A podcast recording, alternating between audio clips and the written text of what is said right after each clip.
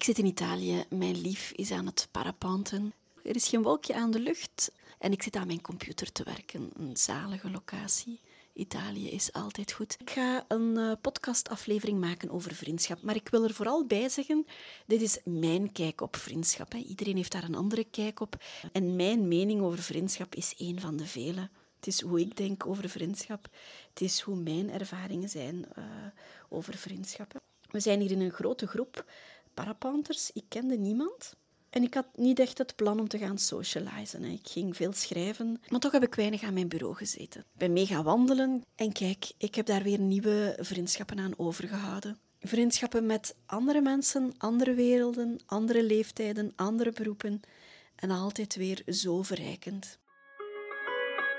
Van harte welkom bij de podcast van Dr. Geluk. Een podcastreeks waarbij je weer een stapje dichter komt bij je allerbeste leven.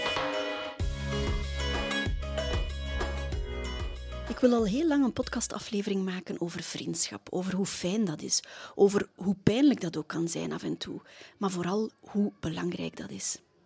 Als ik deze aflevering opneem, dan kijk ik uit op een groot grasveld. Ik zit tussen de bergen in de Dolomieten en ik kijk hoe mijn lief af en toe naar beneden komt met de parapent. En ik heb net een berichtje gekregen van een vriendin. Ik heb je de laatste tijd gemist. Maar ja, dat is zo bij vriendschap. Af en toe loslaten en af en toe de draad terug oppikken. En ik voelde me eigenlijk heel slecht, want het is een van mijn beste vriendinnen.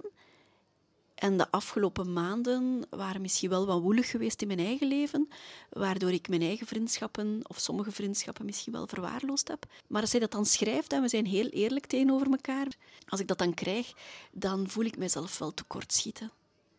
Ik heb heel veel vriendinnen, hè. vriendinnen van vroeger, recente vriendinnen. En soms gaat de aandacht wat meer naar de ene dan naar de andere.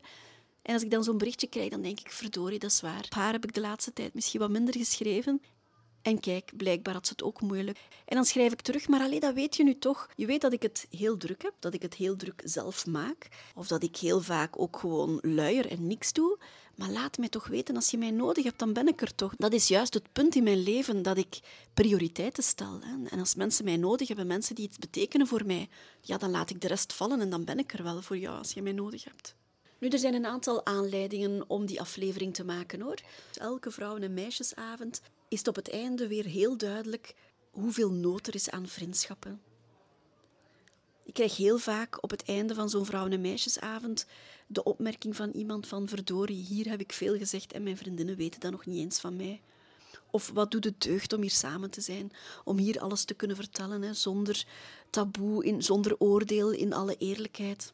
En op een keer zei er iemand, ik ben eigenlijk eenzaam, ik heb veel last van eenzaamheid, maar nog meer dan een partner verlang ik naar vriendinnen. Niemand anders zei ooit, was al een oudere dame, die zei: Vriendinnen, nee, daar stop ik geen energie meer in. Dat lukt me niet, ik vertrouw niemand meer en uh, ik geloof er niet in dat ik nog vriendinnen kan maken. Terwijl ik dan dacht van, daar gaat het misschien wel net om. Hè? Je hart op slot houden, niemand meer binnenlaten, niemand meer vertrouwen. Dat zegt meer over jou dan over de anderen. Hè? En een andere vrouw gaf op zo'n vrouwen- en meisjesavond bijna als een smeekbede deze opmerking van, maar waar vinden jullie allemaal die vriendinnen? Ik vind die nergens, al die vriendinnen. Maar ze was zelf een heel negatieve vrouw. Ze had over alles een oordeel. Ze was heel streng voor zichzelf, legde de lat heel hoog voor zichzelf. En ze was eigenlijk heel veel eisend. Ze was eigenlijk verbitterd en hard geworden. En ze straalde niks van openheid uit. Dus ik begreep waarom, waarom er geen vriendinnen naar haar toe kwamen. Dus het ligt voor een deel aan onszelf, aan onze eigen wonden, aan onze eigen ja, instelling. Maar soms komt het door omstandigheden. Hè. De dingen lopen hoe ze gaan en dan eindig je met, met veel of met weinig vriendinnen, zoiets. Hoe kom je aan vriendinnen? Um, wat verwacht je van vriendschappen? Waarom heeft de ene veel vriendinnen, de andere niet? En ik wil ook uitleggen waarom ik zelf binnenkort een groot vriendinnenfeest geef.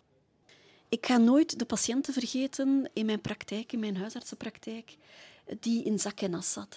Ze had in haar brievenbus een brief gevonden van een man die haar verwittigde dat zijn vrouw een affaire had met haar man. Dus het kwam erop neer dat haar eigen man haar bedroog. Nu we hadden daar een gesprek over. Hè. Ze was heel verdrietig, ze was heel ontgoocheld in haar man. En ik vroeg op een gegeven moment wat haar vriendinnen daarvan zeiden. Hè. Of ze goed gesteund werd door haar vriendinnen. En ze schrok en zei, mijn vriendinnen, mijn vriendinnen die weten daar helemaal niks van. Ik heb ze gezien onlangs op een feestje, maar ik heb daar niks van gezegd hoor, ik zou niet durven. En ik dacht bij mezelf, hoe eenzaam moet je zijn als je dat allemaal alleen moet dragen. Ze durfde dat ook tegen haar ouders niet zeggen, ook niet tegen haar zus. Dus ze had dat helemaal alleen gedragen, dat groot geheim van het bedrog van haar man. En ik had met haar te doen, want hoe eenzaam moest zij zich voelen als zij dat met niemand kon delen, als zij door niemand gesteund kon worden hierin.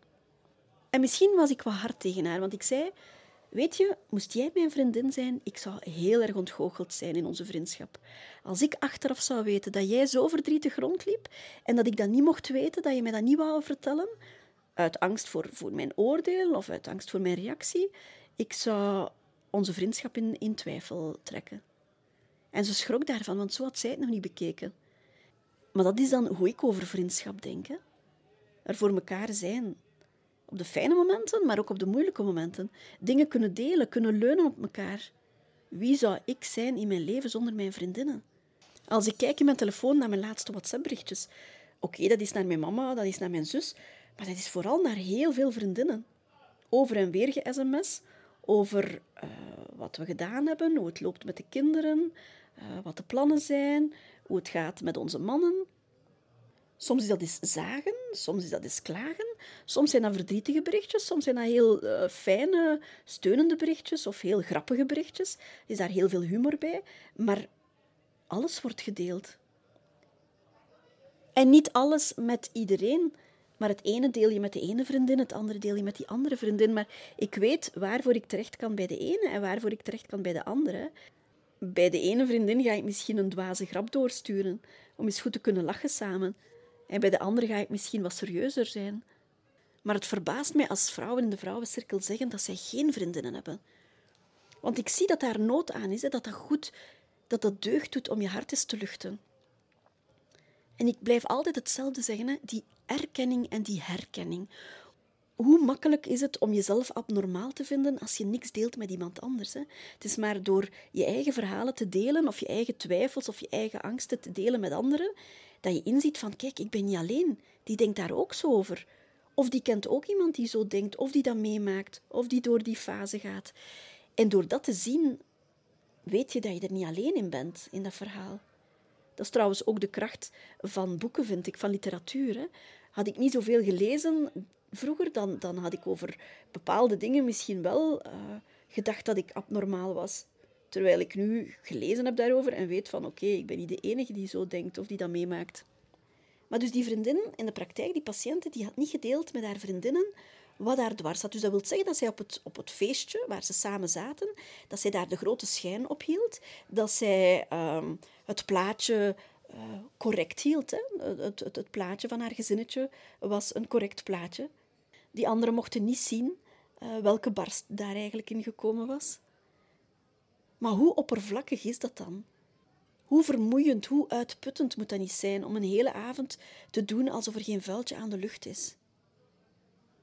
En weet je wat het is? Ik heb dat ergens gelezen, maar dat, dat klopt wel. Hè. Als iemand jouw primaire emoties toont, hè, uh, blijdschap, uh, woede, angst, verdriet, dan kan je daar heel goed in meegaan. Je kan daar een heel goede reactie op geven. En dat is eerlijk, je ziet dat gebeuren en je kan daar goed mee om. Maar als mensen hun primaire reacties verbergen onder andere dingen, dan komt dat niet echt over. Hè. Wat bedoel ik daarmee?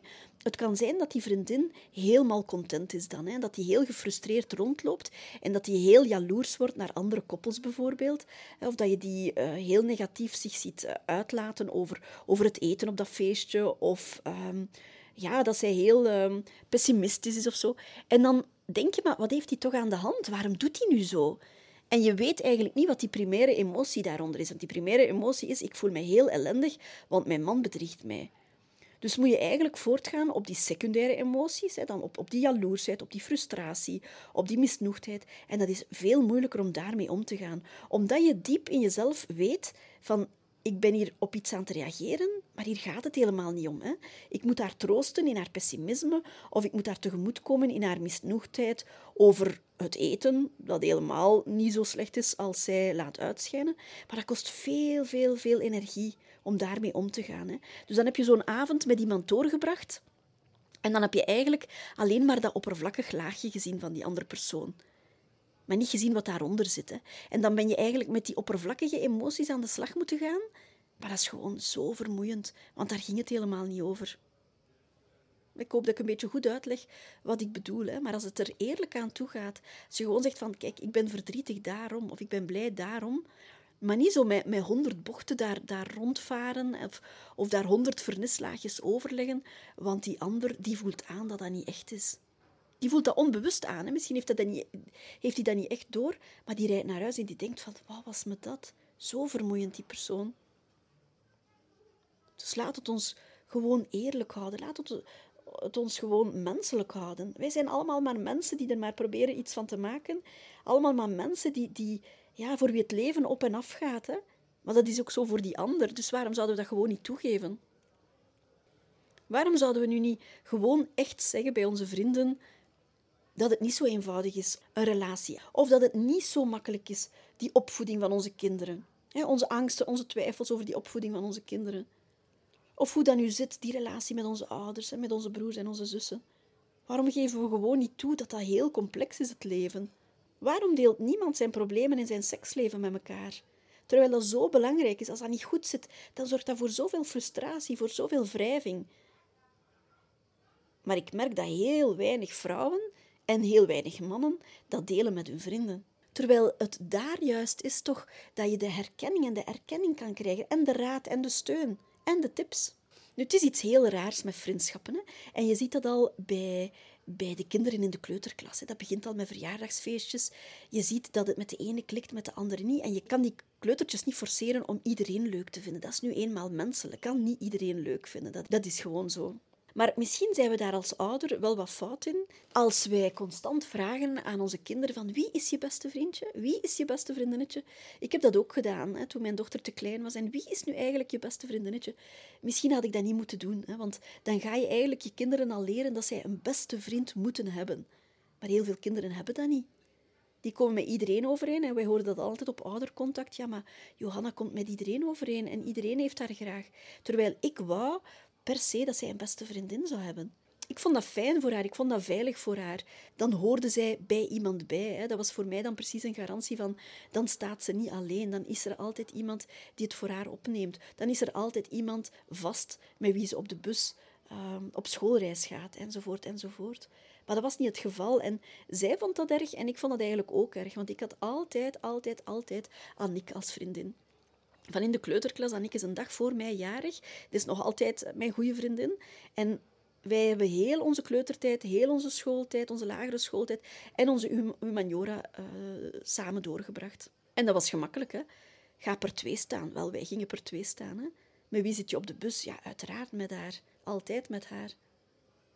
En onze wegen zijn een beetje uit elkaar gegaan in het weekend toen zij naar een andere scouts ging en ik uh, dan uiteindelijk in de Giro beland ben. En toen ik naar Antwerpen ging en, uh, en zij naar Aalst ging om, uh, om verder te gaan studeren. Hè. Toen hebben we een paar jaar wat minder contact gehad.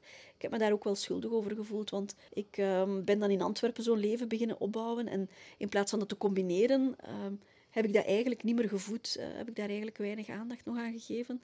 En hebben we die draad na, nadien wel terug opgepakt. Maar ja, er was daar wel een, een, een breuklijn te zien hè, in die periode, waar ik niet fier op ben.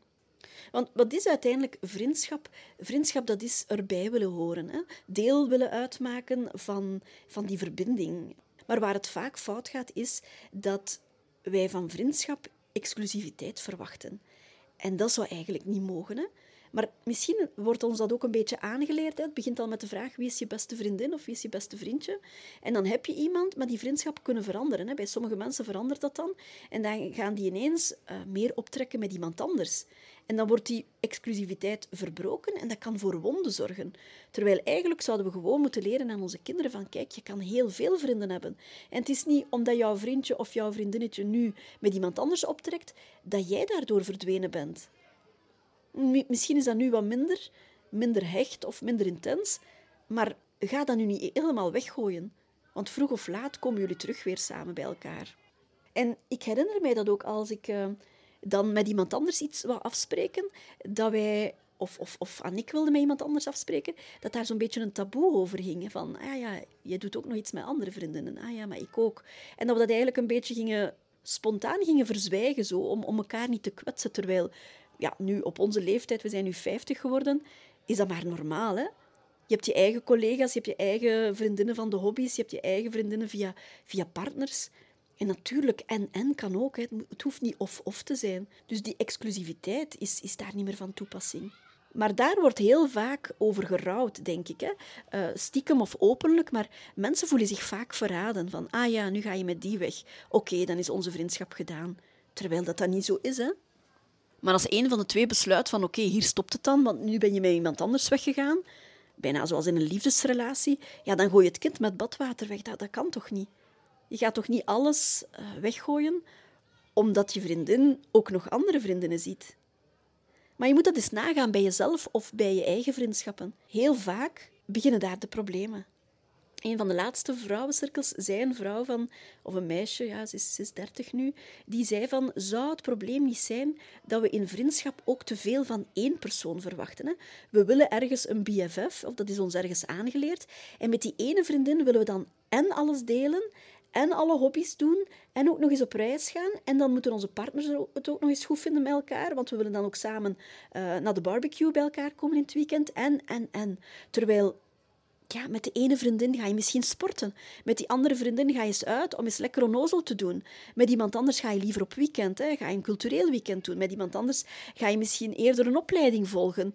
Uh, dan is er nog een vriendin met wie je graag iets gaat eten. En dan is er een vriendin bij wie je als het ware kind aan huis bent. Want je kent haar ouders en je broer en haar broers en haar zussen en de kinderen en de partner. Enzovoort, enzovoort. En al die vriendinnen vullen een stukje in van jouw behoeften. Terwijl je al dan niet een partner hebt. Hè? Je hebt mensen die genoeg hebben aan hun familie, die een hele hechte klan vormen met hun familie en die dan uh, vinden dat ze geen vrienden meer nodig hebben.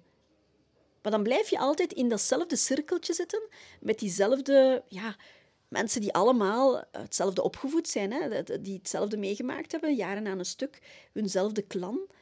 Maar dan is daar geen input van buitenaf. Dan is niemand die dan zegt van, tja, is dat niet een beetje raar in jullie familie dat jullie dat en dat zo doen? Zou je het niet eens anders doen? Ja, die, die meningen komen daar niet in, eh, niet in binnen, hè, want je gaat alleen maar met je eigen familie bezighouden. Vaak wordt er ook veel uh, gerekend in vriendschappen. Hè? Ja, maar ja, ik heb jou nu al drie keer uitgenodigd. Ja, nu is het wel aan jullie hoor. Als jullie me ons nu niet uitnodigen, wel, laat het hier dan maar stoppen. Tja, maar waarom nodigt die ander jou niet uit? Misschien is die beschaamd omdat haar huis niet proper ligt. Misschien heeft die partner dat niet zo graag. Misschien zitten die mensen net in een moeilijkere periode, waardoor de uitnodiging wat langer op zich zal uh, laten wachten. Maar reken niet uit. Hè.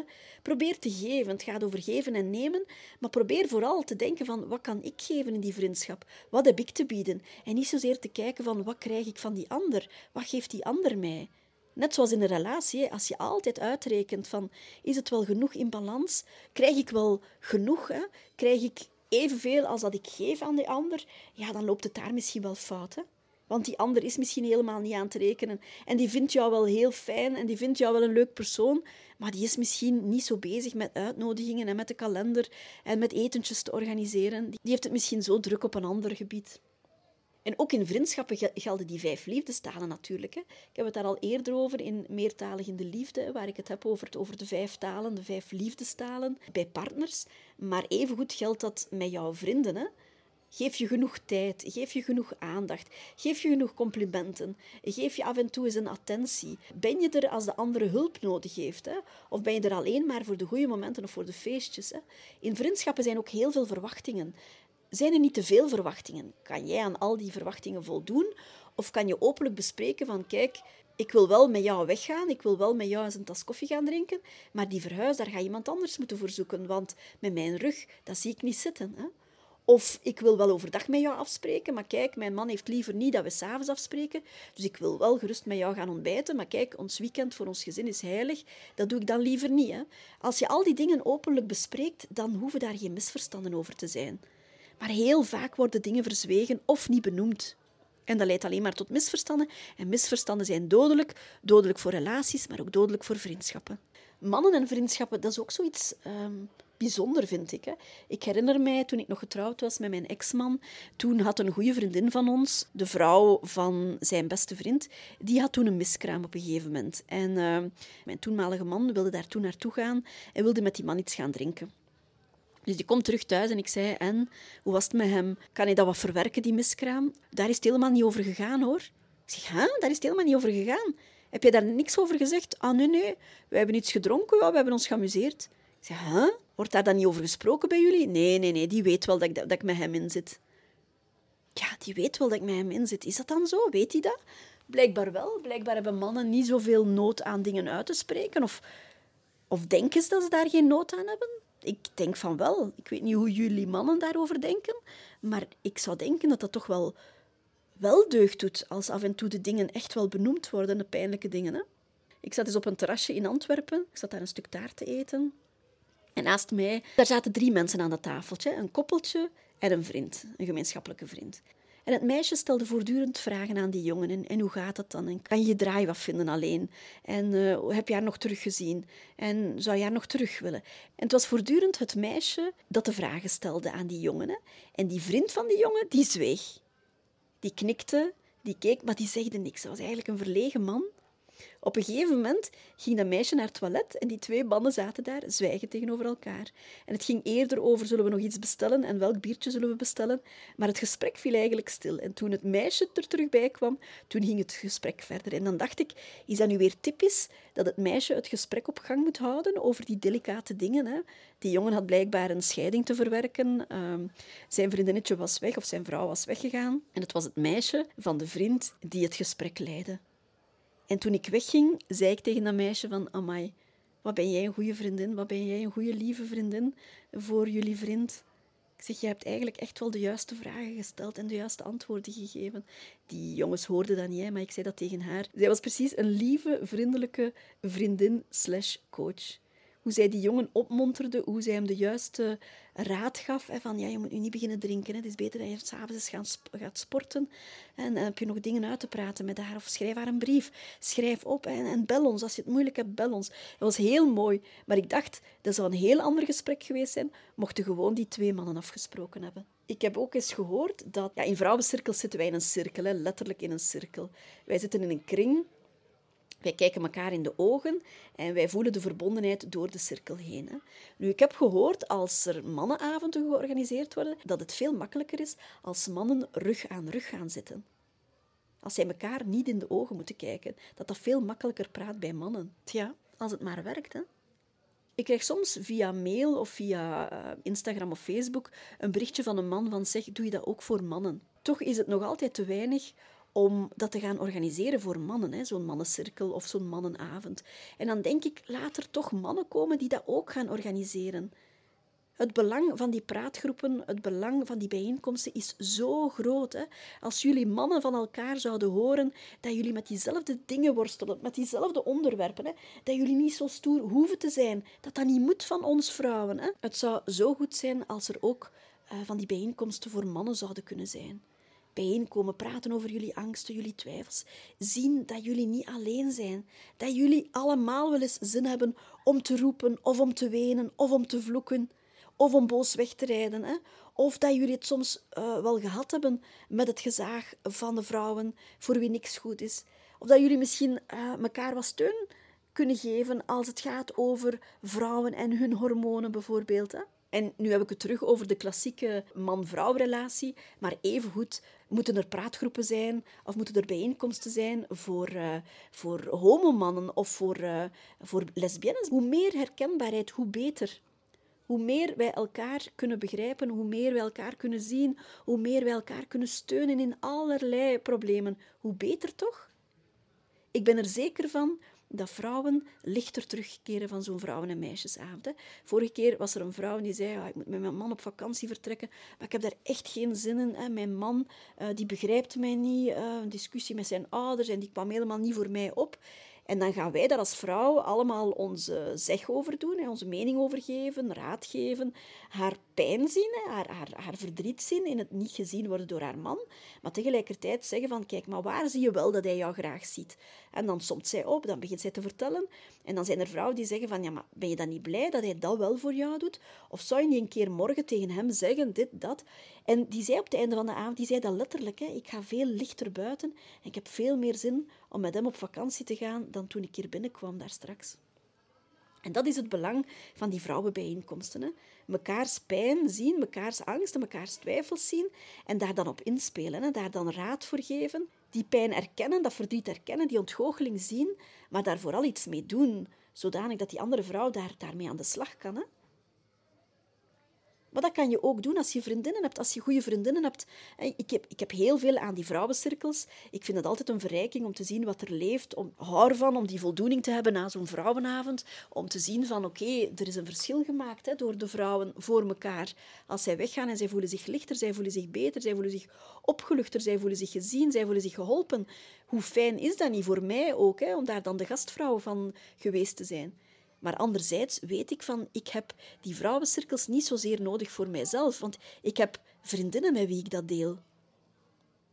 Ik kan direct, als ik in nood ben, ik kan direct mijn vriendinnen bellen. En kan de ene er niet zijn op dat moment, dan is er wel een andere vriendin die wil luisteren naar mij. En omgekeerd ook, mijn vriendinnen mogen mij ook bellen. Hè?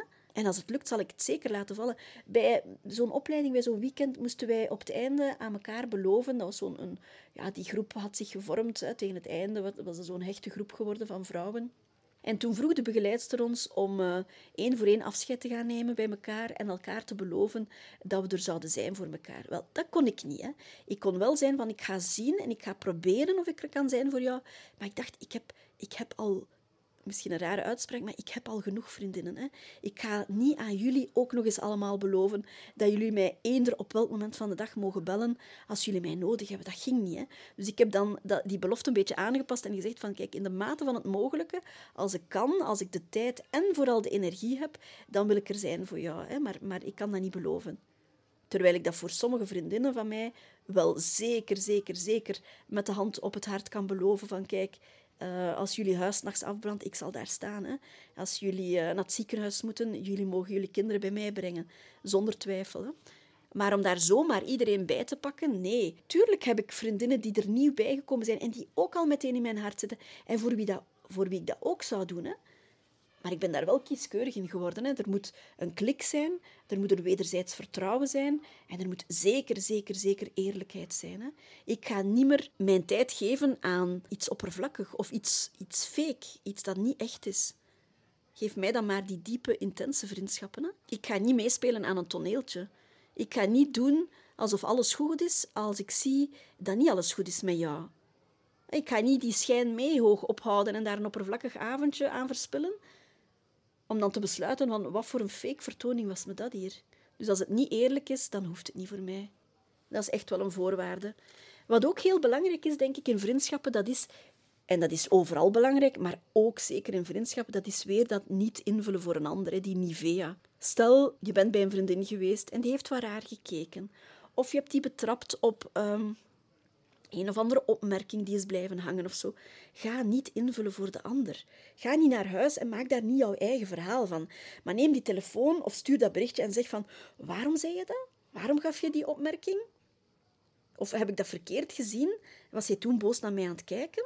Of, of, of heb ik iets verkeerd gezegd? Is er iets blijven hangen bij jou dat jou niet goed is bevallen? Dus ga niet invullen voor de ander, maar spreek dat uit.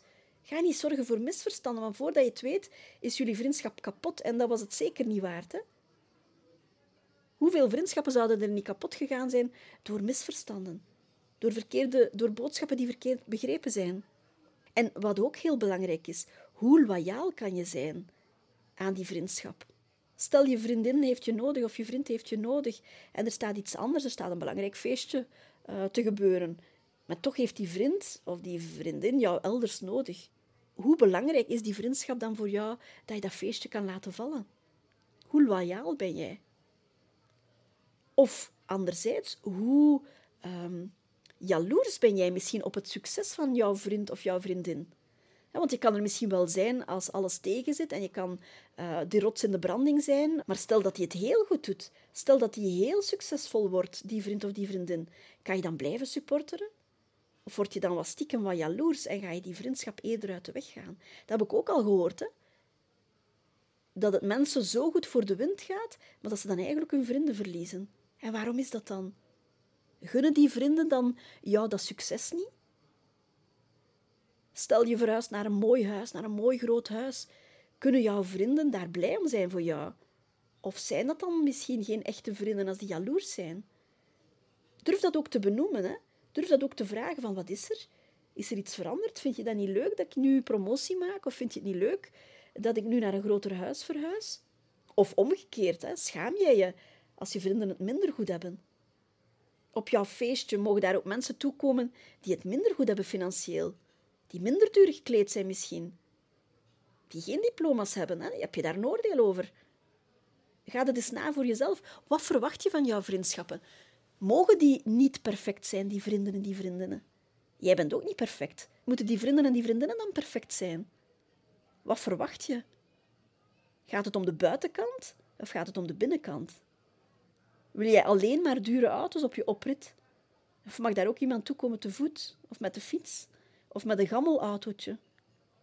Mag die ene vriendin daar ook zijn die niet zo mooi gekleed is? Of moeten al die mannen die op jouw feestje zijn, moeten die een hoge positie hebben?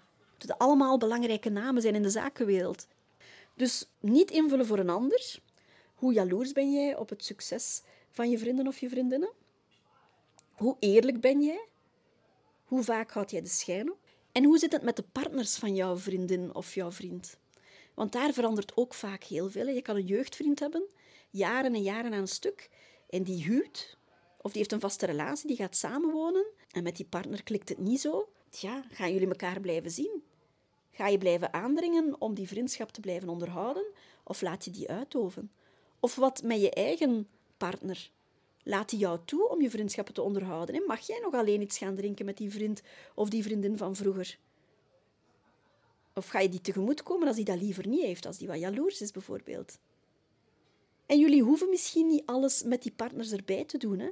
Soms zijn de gesprekken makkelijker zonder die partner erbij. Het zou heel raar zijn dat het ook elke keer, elke keer ook klikt tussen onze partners en onze vrienden. Maar hoe ga je daarmee om als dat niet zo is? Hè? Welke energie stop jij in die vriendschap? Hè? Ga jij de moeite doen om eens te bellen, om te schrijven van hoe gaat het? Ga je die uitnodigen? Ga je eens initiatief nemen van laat ons eens op weekend gaan, of laat ons eens iets gaan drinken, of laat ons eens gaan wandelen? Of verwacht je dat van de ander? Misschien heeft die andere persoon niet zoveel vrienden als jij en zit hij wel te wachten op een telefoontje of op een uitnodiging. Dat is iets waar ik mijzelf vaak op betrap. Dat is, ja, ik heb altijd wel iets te doen. Hè. Ik heb altijd wel uh, uh, ik kan mezelf ook heel goed alleen bezighouden. Ik kan ook heel goed alleen zijn. Ik ben ook vaak overprikkeld als ik uh, te veel sociale contacten heb. Dus als ik al op vrijdag en op zaterdag afspreek met vrienden, dan ga ik dat zeker niet meer op zondag doen. Hè. Maar ik heb wel wat vrienden. Ik heb, ik heb ja, heel wat vrienden van vroeger nog, maar daar komen dan nog nieuwe vriendschappen bij. Dus ik kan zelfs mathematisch niet, zelfs als ik elk weekend met iemand afspreek, dan nog Ehm, is het jaar voorbij zonder dat ik met iedereen kunnen afspreken heb. Hè. En als mij dat dan kwalijk genomen wordt, dan zou dat jammer zijn. Want daar zit geen bewuste strategie achter. Dat wil niet zeggen dat ik jou niet meer leuk vind of dat ik geen tijd meer met jou wil doorbrengen. Dat is gewoon, ja, dat loopt gewoon zo. Hè. Die weekends die zijn niet oneindig in een jaar. En voor je het weet is het weer kerstmis en voordat je het weet is het weer zomervakantie. En heb je die goede vriend of die goede vriendin niet meer gezien. Hè? En dan vind ik het ook heel belangrijk dat die andere daar niet gaat aan twijfelen aan die vriendschap. Hè? Ik heb uh, vriendinnen, en dat is zo gemakkelijk. Hè? Ik heb een enkele vriendinnen, en die schrijft dat ook letterlijk van kijk, het is niet omdat we elkaar niet vaak zien, dat we niet weten wat we aan elkaar hebben. En als het echt nodig is, dan zullen we er ook wel zijn voor elkaar.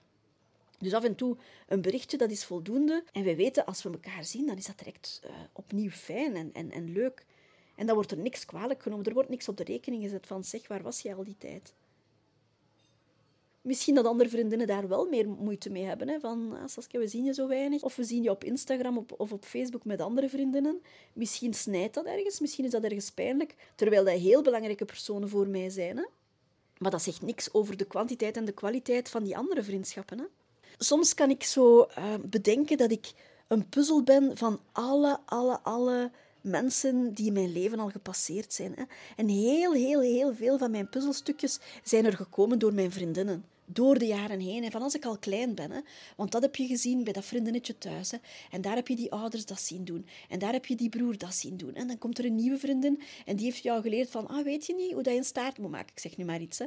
En die leert jou misschien een vlechtje maken. En dan is er een andere vriendin en die heeft haar huis zo op die manier ingericht dat je denkt, oh, die brengt mij op ideeën, weet je wat? Ik ga mijn woonkamer ook zo verven. En dan is er een andere vriendin en die zegt, weet je wat? Je moet eens naar dat restaurantje gaan. Dat is pas echt leuk daar. En een andere vriendin zegt, wij zijn daar op reis geweest. Misschien moet je daar ook eens gaan met je gezin. En dan heb je vriendinnen van de vriendinnetjes van je eigen kind. En dan leer je daar weer dingen van. Dan ga je naar de stad studeren en dan leer je daar je vriendinnen in Antwerpen kennen. En ook daar heb je weer nieuwe input. En dan komen de vrienden erbij van je partner. En dan is er weer een hele nieuwe wereld die open gaat voor jou. Enzovoort, enzovoort. En dat blijft maar komen, dat blijft maar komen. En je leert altijd nieuwe dingen kennen van al die vrienden die in je leven bijkomen. Dat vind ik zo mooi aan het leven. En dat blijft maar komen, dat blijft maar komen. En vandaar dacht ik dus, ik geef binnenkort een groot vriendinnenfeest. Misschien een beetje raar, want er gaan geen mannen zijn. Maar ik dacht, weet je wat, ik ga deze keer doen voor al mijn vriendinnen. Voor alle vrouwen en meisjes die in mijn leven al een rol gespeeld hebben. Waarschijnlijk is dat niet volledig. Hè. Er gaat geen vriendin uit Australië overkomen en mijn vriendin uit Mexico gaat op dat moment in Portugal zitten, jammer genoeg uh, van de timing. Maar de meeste mensen die een rol gespeeld hebben in mijn leven zullen er zijn. En dat gaat heel breed hoor. En ik ga bij de uitnodiging ook zeggen dat ze naar deze aflevering mogen luisteren om misschien te begrijpen waarom ze ook uitgenodigd zijn. Hè. Dat gaat een heel mooie verzameling zijn van al mijn vriendinnen, van alle vrouwen die in mijn leven ooit een rol gespeeld hebben. Hè. Dat is te beginnen natuurlijk met mijn mama, met mijn zus, maar er zijn ook nichtjes bij, dochters van nichtjes. Daar is mijn eerste goede vriendin bij, Annick. Daar zijn vriendinnen bij met wie ik in Humaniora heb gezeten. De vriendinnen van Antwerpen zijn er. Collega's. Je hebt collega's die vriendinnen geworden zijn, omdat je altijd net bij hen ging zitten als er een vergadering was, of als je beroepshalve naar iets moest gaan. Er zijn de kotvriendinnen, met wie ik vier jaar doorgebracht heb op kot in Antwerpen. Er zijn ook patiënten met wie ik een hele goede band had en die een hele goede vibe over zich hebben. Vrouwen die ik altijd graag zag zitten in mijn wachtzaal, met wie ik ook altijd een ander praatje kon doen over het leven. Er zijn vrouwen die ik in de coachopleiding nog leren kennen heb, nog niet zo heel lang geleden. Er zijn mijn goede vriendinnen van de school voor relaties. Wij noemen elkaar zusjes, omdat wij samen zoveel lief en leed gedeeld hebben in allerlei opleidingen waar we heel veel geweend hebben, maar ook heel veel gelachen hebben. En er zijn vrouwen met wie ik recent pas een goede band heb opgebouwd. Hè? Die nog niet zo lang in mijn leven gekomen zijn, maar die wel al in mijn hart zitten. En nu deze vakantie hier in Italië heb ik ook weer heel fijne vrouwen leren kennen. En die zijn ook welkom. Er zullen ook vriendinnen van vriendinnen zijn. Want ook dat is zo. Hè. Goede vriendinnen van goede vriendinnen. Dat zijn automatisch ook vriendinnen. Hè. Vriendinnen van mijn zus, die zijn er ook al meer dan de helft van mijn eigen leven. Mijn oudste vriendin is ver in de tachtig. Dat is een vrouw met wie ik ook heel veel gedeeld heb in mijn leven, die mij zoveel raad gegeven heeft, en die ik zo dankbaar ben voor alles. Er zijn vrouwen aan wie ik spontaan dacht van die moet er zeker ook bij zijn. En dat is gewoon door de energie die ze mij geven. Als ik, als ik die tegenkom, ja, dan voel ik mij meteen een stuk beter. En hoe ouder ik word, hoe kieskeuriger ik word. Mensen die mij leegzuigen, ja, die heb ik liever niet. Als het echt niet moet, dan heb ik die liever niet in mijn leven. Vrouwen die altijd maar zagen en klagen, die zich altijd het slachtoffer voelen, die heb ik eigenlijk liever niet rond mij. Vrouwen voor wie het nooit goed genoeg is. Hè? Vrouwen die heel rap misnoegd zijn en die vanuit een tekort leven. Vrouwen die te gierig zijn, te slechtgezind. Dat is niet fijn. Hè? Er zullen vrouwen zijn die verrast zijn als ze mijn uitnodiging krijgen, die denken van, ben ik daar ook welkom? Ben ik een vriendin van Saskia? Maar ik vind dat vriendschap dat gaat heel breed. Als iemand mij een goed gevoel geeft, als ik graag bij iemand ben, dan hoeft daar geen geschiedenis van 30 jaar achter te zitten om uitgenodigd te worden. Hè? Dan ben ik gewoon blij als die bij mij binnenkomen en als die ook deel uitmaken van mijn gezelschap. Daar zullen vrouwen zijn uit heel het land hè? en van alle leeftijden, van alle beroepen. Vorig jaar waren wij op een begrafenis van een meisje uit onze klas, hè, onze humaniora. Een meisje had schildklierkanker gekregen en wij zaten toen met een groepje vrouwen samen op haar begrafenis. En nadien hebben we nog iets gedronken op de markt aan de kerk. En de gesprekken die er toen kwamen, dat waren heel andere gesprekken dan de gesprekken die wij een, een tien jaar geleden bij een andere reunie hadden. Hè. Toen moest alles nog zo goed zijn voor de buitenwereld. Iedereen was nog druk, druk bezig met carrière te maken, met zich beter voor te doen, met indruk te maken. Dat was zo'n fake bedoeling. En nu vorig jaar, na die begrafenis, was alles veel puurder, veel echter. Iedereen had het over zijn moeilijkheden. En nergens was het perfect. Iedereen had wel zijn eigen issues, zijn eigen battles, zijn eigen demonen. Er zijn vriendinnen die ik in de loop van mijn leven zo'n beetje afgeschud heb. Hè. Wegens te druk, wegens te veel eisend, wegens niet kloppend. En het rare is met vriendschappen dat je dat eigenlijk niet zo uitspreekt. Hè. Je gaat niet meer in op die uitnodiging, je vraagt ze niet meer terug, je antwoordt niet meer zo snel op een berichtje en je hoopt dat ze de boodschap begrijpen. Maar het is niet zo als in een relatie, als in een partnerrelatie, waar je echt uitspreekt van het is uit. Of waar je familie of je vrienden ook weten van, ah, zijn jullie uit elkaar? Wonen jullie niet meer samen? Dat is gewoon iets heel duidelijk. Maar bij vriendschappen is dat niet zo duidelijk. Hè? Zoiets verwatert dan of laat je verwateren in de hoop het minder pijnlijk te maken voor de ander. Maar dat is zo niet. Hè? Er wordt ook heel wat gerouwd in vriendschappen die doodbloeden. Toen ik twaalf was, had ik een meisje met wie ik altijd op uitwisseling ging. Zij kwam bij ons om Nederlands te leren en ik ging bij haar om Frans te leren. Het was een meisje uit een Brusselse familie, een alleenstaande mama met twee geadopteerde Koreaanse dochters. En ineens werd de contact verbroken. En niemand kan mij zeggen waarom. Mijn ouders weten dat niet en ik kan haar niet meer terugvinden. En ik weet dat ik daar zoveel om gehuild heb. Ik had dat eigenlijk verdrongen. Tot er een vrouw bij mij in coaching kwam, die ook rouwde om een vriendschap die dreigde verloren te gaan. Hè. Uiteindelijk is dat allemaal goed gekomen, maar die vrouw heeft daar heel veel verdriet van gehad. Het was een innige, innige, innige vriendschap die al heel lang bestond en die dreigde teloor te gaan. En ik dacht bij mezelf, hoe erg is dat? Dat heb ik nu nog nooit meegemaakt. En ineens kwam het in mij op, ik had dat ook verdrongen. Maar toen ik twaalf was, toen heb ik heel veel geweend om Muriel, mijn vriendin van twaalf. Die was een jaar ouder, die was al meer ontwikkeld dan ik. Ik keek naar haar op. Ik heb haar toen proberen te bellen, stiekem. S'morgens vroeg op zondagochtend sloop ik dan naar de telefoon en belde ik haar terwijl mijn ouders nog in bed lagen. Of ik stuurde haar een brief van waarom, waarom wil je mijn vriendin niet meer zijn? Misschien is dat iets geweest tussen onze ouders, hè?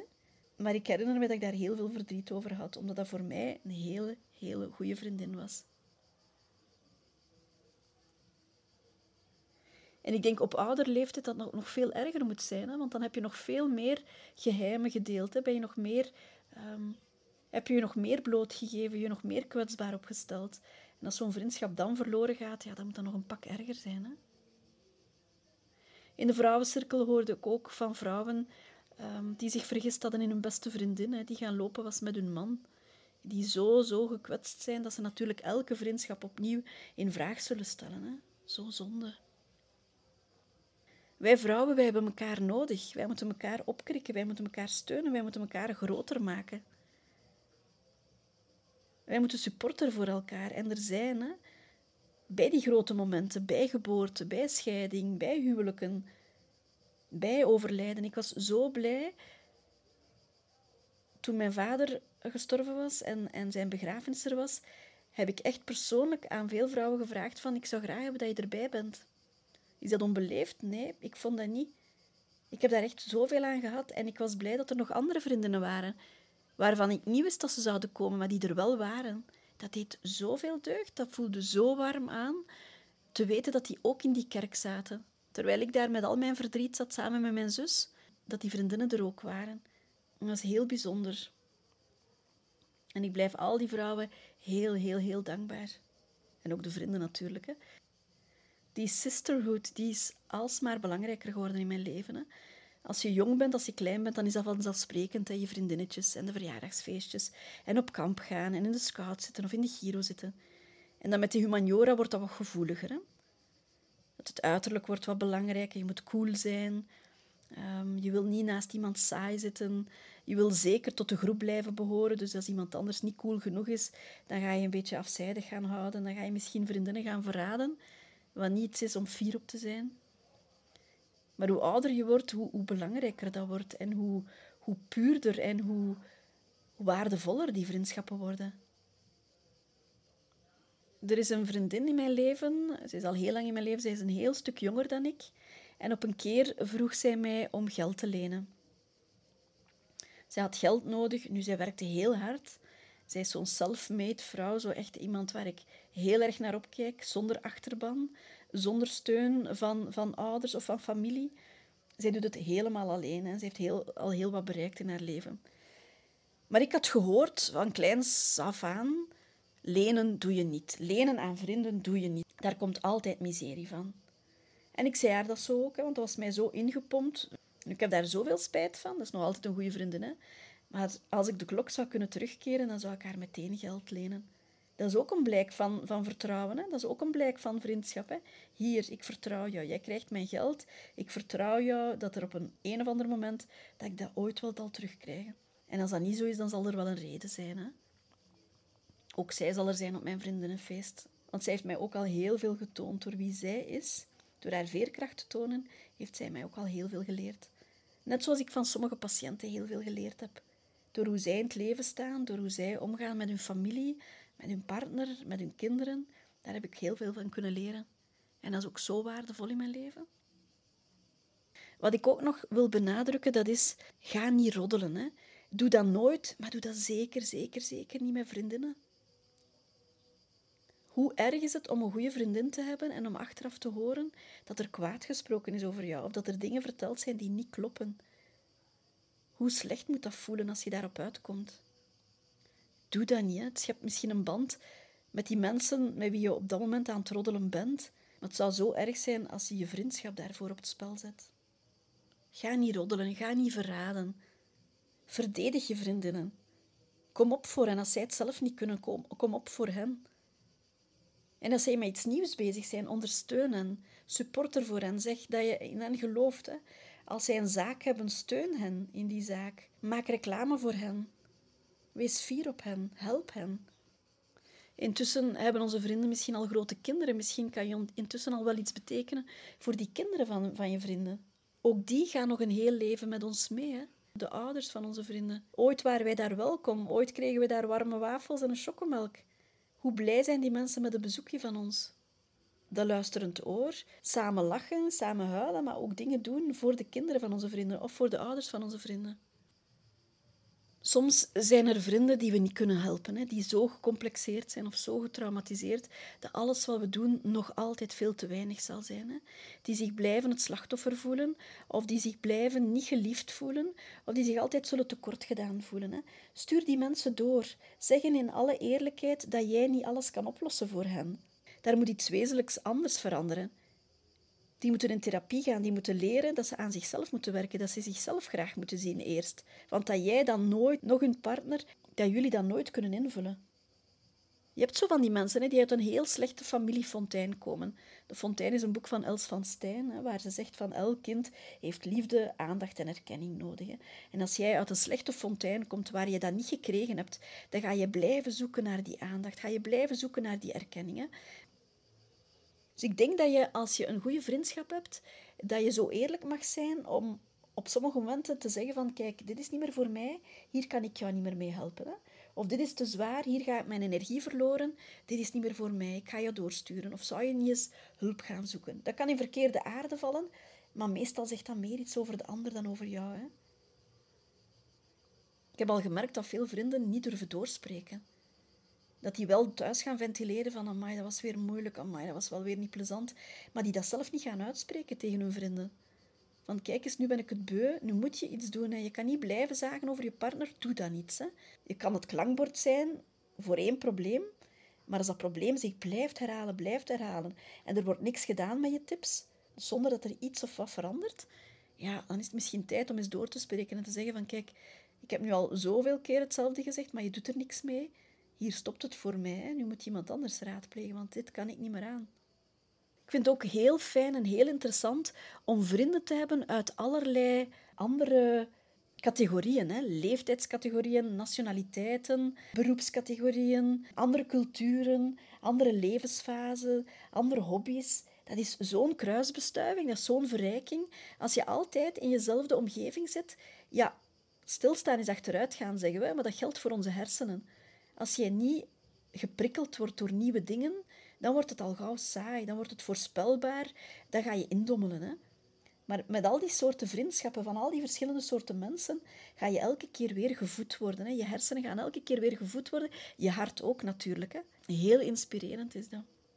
Blijf nieuwsgierig, blijf vragen stellen. Blijf nieuwe dingen doen met diezelfde vrienden. Maak nieuwe vrienden. Stel je open voor nieuwe vriendschappen.